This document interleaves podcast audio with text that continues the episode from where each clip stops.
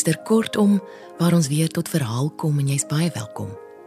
Ons gaan vanaand luister na 'n kort verhaal wat ek gekry het in die nuwe Afrikaanse prosa boek, saamgestel deur Sonja Loots en Stewart van Wyk en uitgegee deur Iman en Resou in 2019. Dis deur Petra Miller en sy noem dit Bellambra. Juanita Swanepoel gaan dit voorlees.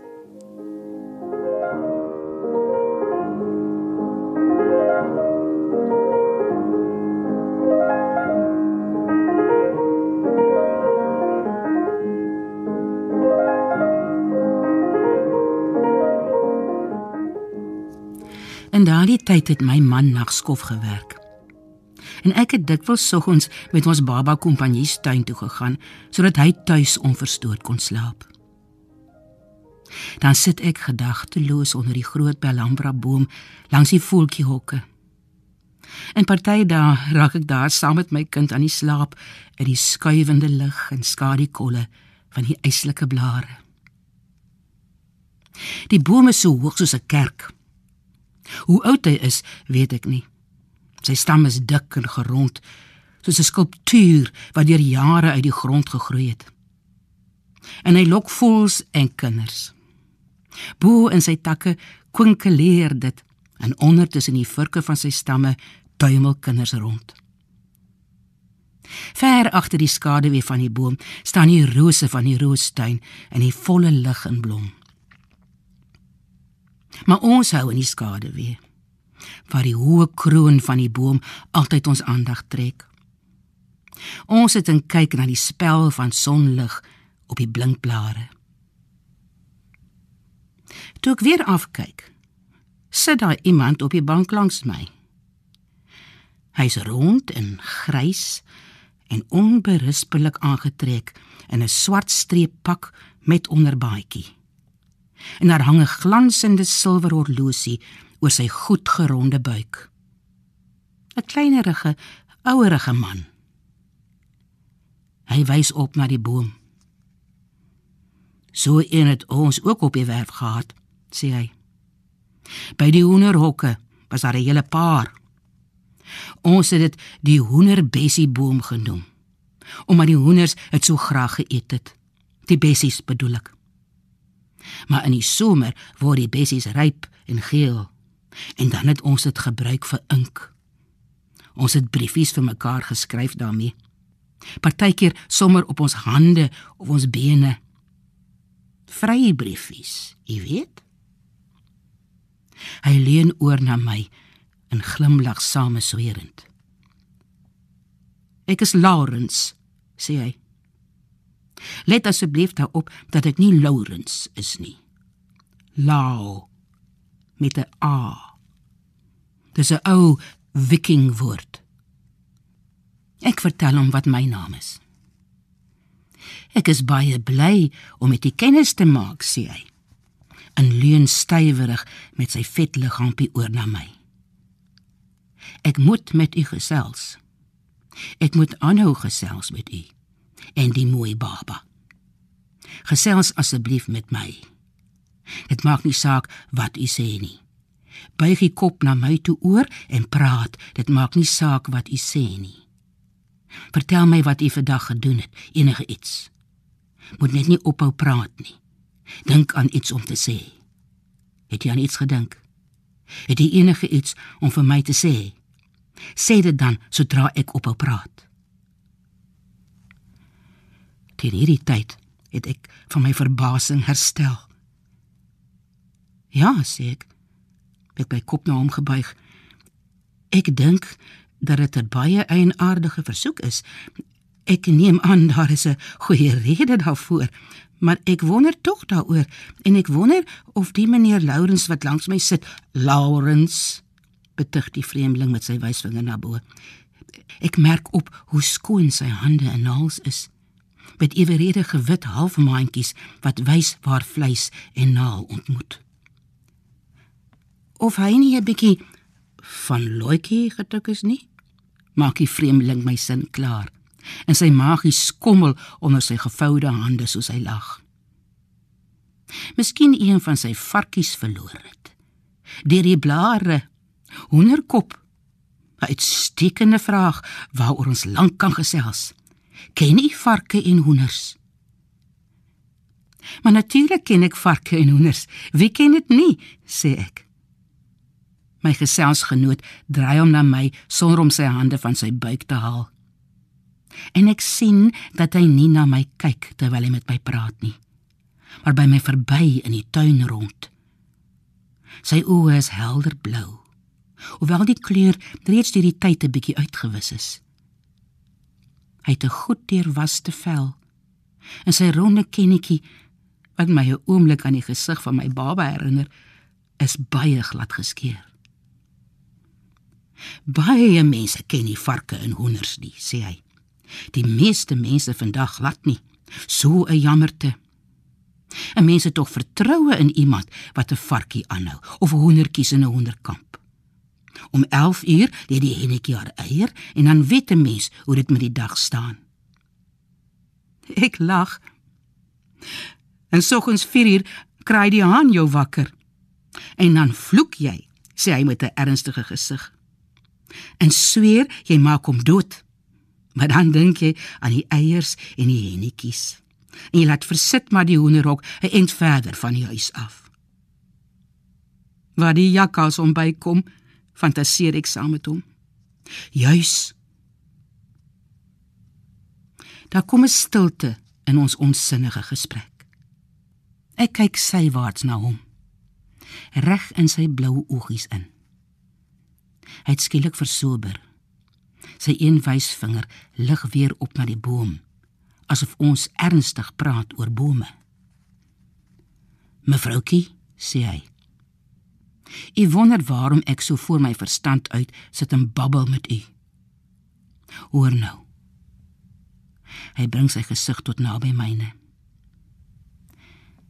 Ek het 'n jood. Soos ander mense 'n vlieg of 'n vlooi het. As u rondkyk, sal u hom sien. 'n Jood wat my volg. En glo my, ek is nie mal nie. Ek kyk vinnig na my kind, asof ek verwag dat iets met hom sal gebeur. Maar hy lê soetsalig en vang na sonspatsels. Ek sal sê hoe die Jood lyk, sê meneer Laurens. Hy's op 'n manier ook goed aangetrek, nes ek. Maar sy wese is verslete. 'n Lang jood met hangskouers. Net sulke reguit wit haartjies wat langs sy ore afhang. Nie heeltemal wit nie, 'n bietjie geelerig soos ou gras. 'n Duitse jood. Verstaan u? Wanneer Laurens leun so na aan my oor dat ek iets soos die ruik van mottegif saam met sy pomade geur gewaar een van daardie Jode wat pad gegee het uit Duitsland net voor die oorlog. Verstaan jy? Praat jy Duits? Ja, sê ek.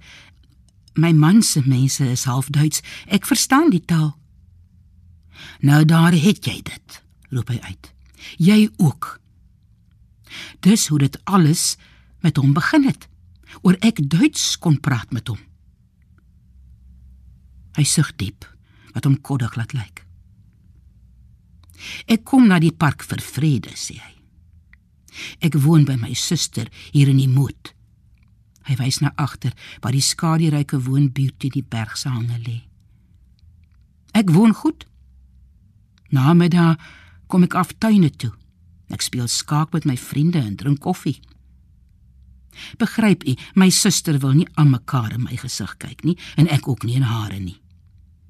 'n Mens wil nie aan mekaar aan jou eie lewe herinner word nie. Jy wil ook iets anders hoor en sien. My vriende is goeie geselskap. Ons het almal lewensverhale. Ek was 'n bankbestuurder, my vriende was sakemanne, een was 'n boer. Ons het baie om oor te gesels. Ons verstaan die lewe. Ons kan dit deel, dis ons genot wat ons verdien het, net soos ons pensioene. Hy snuif lig en bly 'n oomblik stil terwyl hy luister. Kyk tog 'n bietjie vir my rond, mevroutjie. U sal hom sien. 'n Lang man met 'n grys hangbaadjie. Hy lyk afgetakel, maar hy is nie. Ek verseker u, hy is sterk en vol lewe. Hy het 'n hart soos 'n masjien.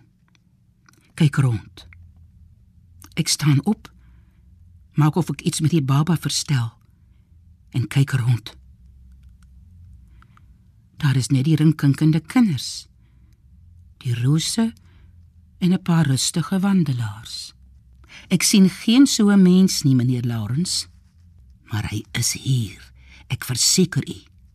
Hy staan iewers in die skadu en kyk.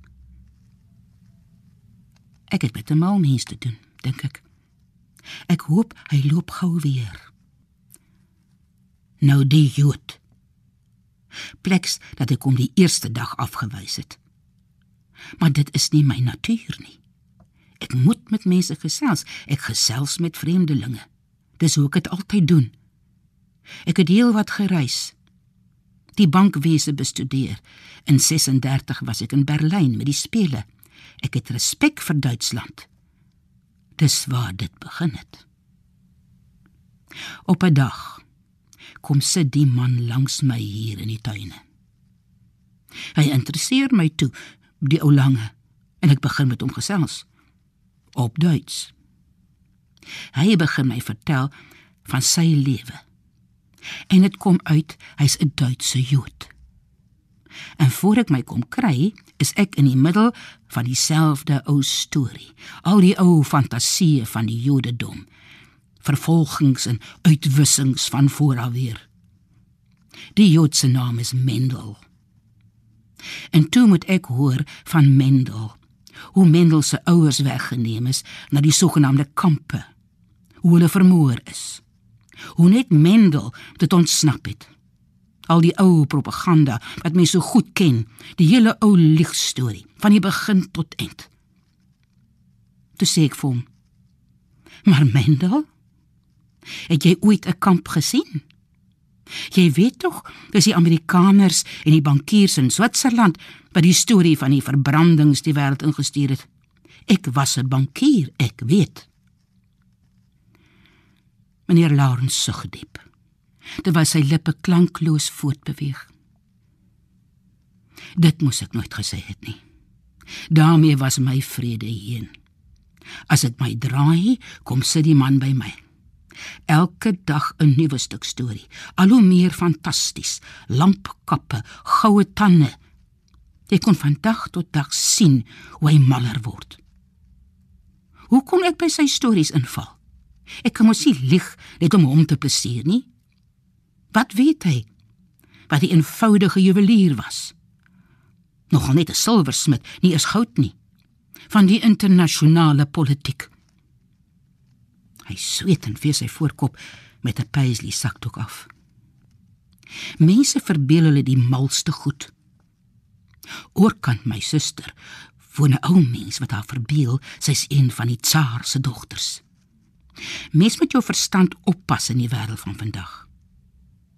Jy kan nie dat elke ander mal mens jou harsings kom deur mekaar roer nie. Ek het lank met die man geargumenteer, nutteloos. Toe sê ek vir hom: "Mendel, kom ons los dit." Maar daarvan wil hy niks weet nie. Dit maak hom totaal beserk. En toe weet u, het my vriende my begin vermy omdat hulle nie lus het vir hierdie Joodse geselskap nie. Hy sit by waar ons skaak speel. En hy wag net vir 'n oomblik stilte om weer sy ou storie te begin vertel. Dit was te veel vir my. Sy stem kry 'n klaagklank soos 'n veronregte kind. Ek het toe besluit, miskien sal ek 'n rukkie my vriende se geselskap vermy en soggens kom. Ek weet die Jood staan soggens laat op, want hy slaap slegs nags. Hy het myself gesê. Hy's 'n middagdier. En nou, sal jy my glo, kom hy in die oggende uit om my te agtervolg. Hy is hier iewers. Sy asem het opgeraak. Ek sien dat hy werklik desperaat is. Maar hy's nie regtig hier nie, meneer Lawrence, sê ek. Dis een van daai bose verbeeldings wat 'n mens soms beetpak. Kyk my baba slaap. Ek sal gou vinnig in die ronde deur die tuin stap en kyk of hier so 'n mens is. Ek doen dit ook. Terwyl ek elke sitbank en skadukol bekyk, loop ek vinnig aan die rand van die roostuin en in 'n kring om die voelhokke en bome blomme, skoenlappers, gras, skadu, sonskyn, weer blomme, sonskyn, mense stemme, kinders, verliefdes. Geen Mendel die Jood nie. Ek gaan terug na ons bank onder die boom. Daar sit my vriendjie met 'n gesig gespanne van onrus. En my baba slaap rustig met sy kop na die een kant toe gekantel. Nêrens 'n Jood te sien nie, sê ek. Sit rustig. Wees 'n rukkie stil. Ek en meneer Laurens sit stil. Ek hoorings kom aan. Ook twee dogtertjies met swart vlegsels wat by die baba waar inloer en met hul vingers teen hulle lippe koer sonder om 'n geluid te maak. Hulle lag skelm na my en hom en gaan stil weg. Hulle dink die ou man is die oupa, dink ek en dit amuseer my. My bankgenoot het inderdaad baie stil geword. Die stilte is te veel vir hom. Hy begin versigtig wegbeweeg dat ek dit nie te duidelik moet sien nie.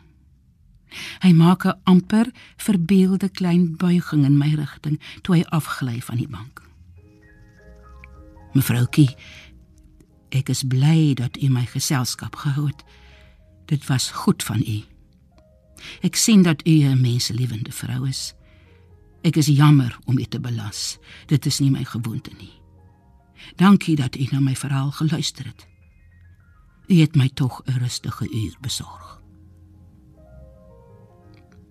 'n Dooie geel blaar van die Belhambra boom kom stadig uit die lug gedryf. Meneer Laurens sien dat dit op die baba gaan val.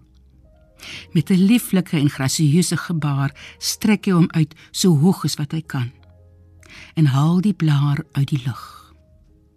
Hy lê dit op die grond neer, glimlag na my en wys dat hy nou gaan. Daar is nie regtig so 'n Jood nie, sê ek. Wees rustig, meneer Laurens. Hy glimlag droewig. Draai om en stap stadig weg asof hy niemand wil steur nie. Ek sit lank by die slapende baba en dink aan my man wat ook nou rustig slaap. Dit laat my gelukkig voel. Die spelende kinders het weggedryf. Dit word warmer onder die boom, selfs in die skadu. En die koerklank van die duwe word dringender. Die slaap kom onherkenbaar na my toe. Ek raak weg en dit. Toe ek wakker word, net so stil as wat ek aan die slaap geraak het, sit die lang man met die strooitjies hare op die bank langs my. Ek draai my kop na hom en kyk na hom. Sy brandende blou oë kyk na my. Gnädige junge Frau, sê hy. Verstehen Sie Deutsch?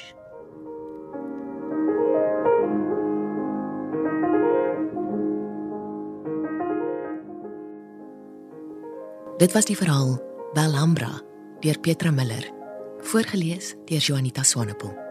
'n Mooi aand vir jou. Tot volgende keer.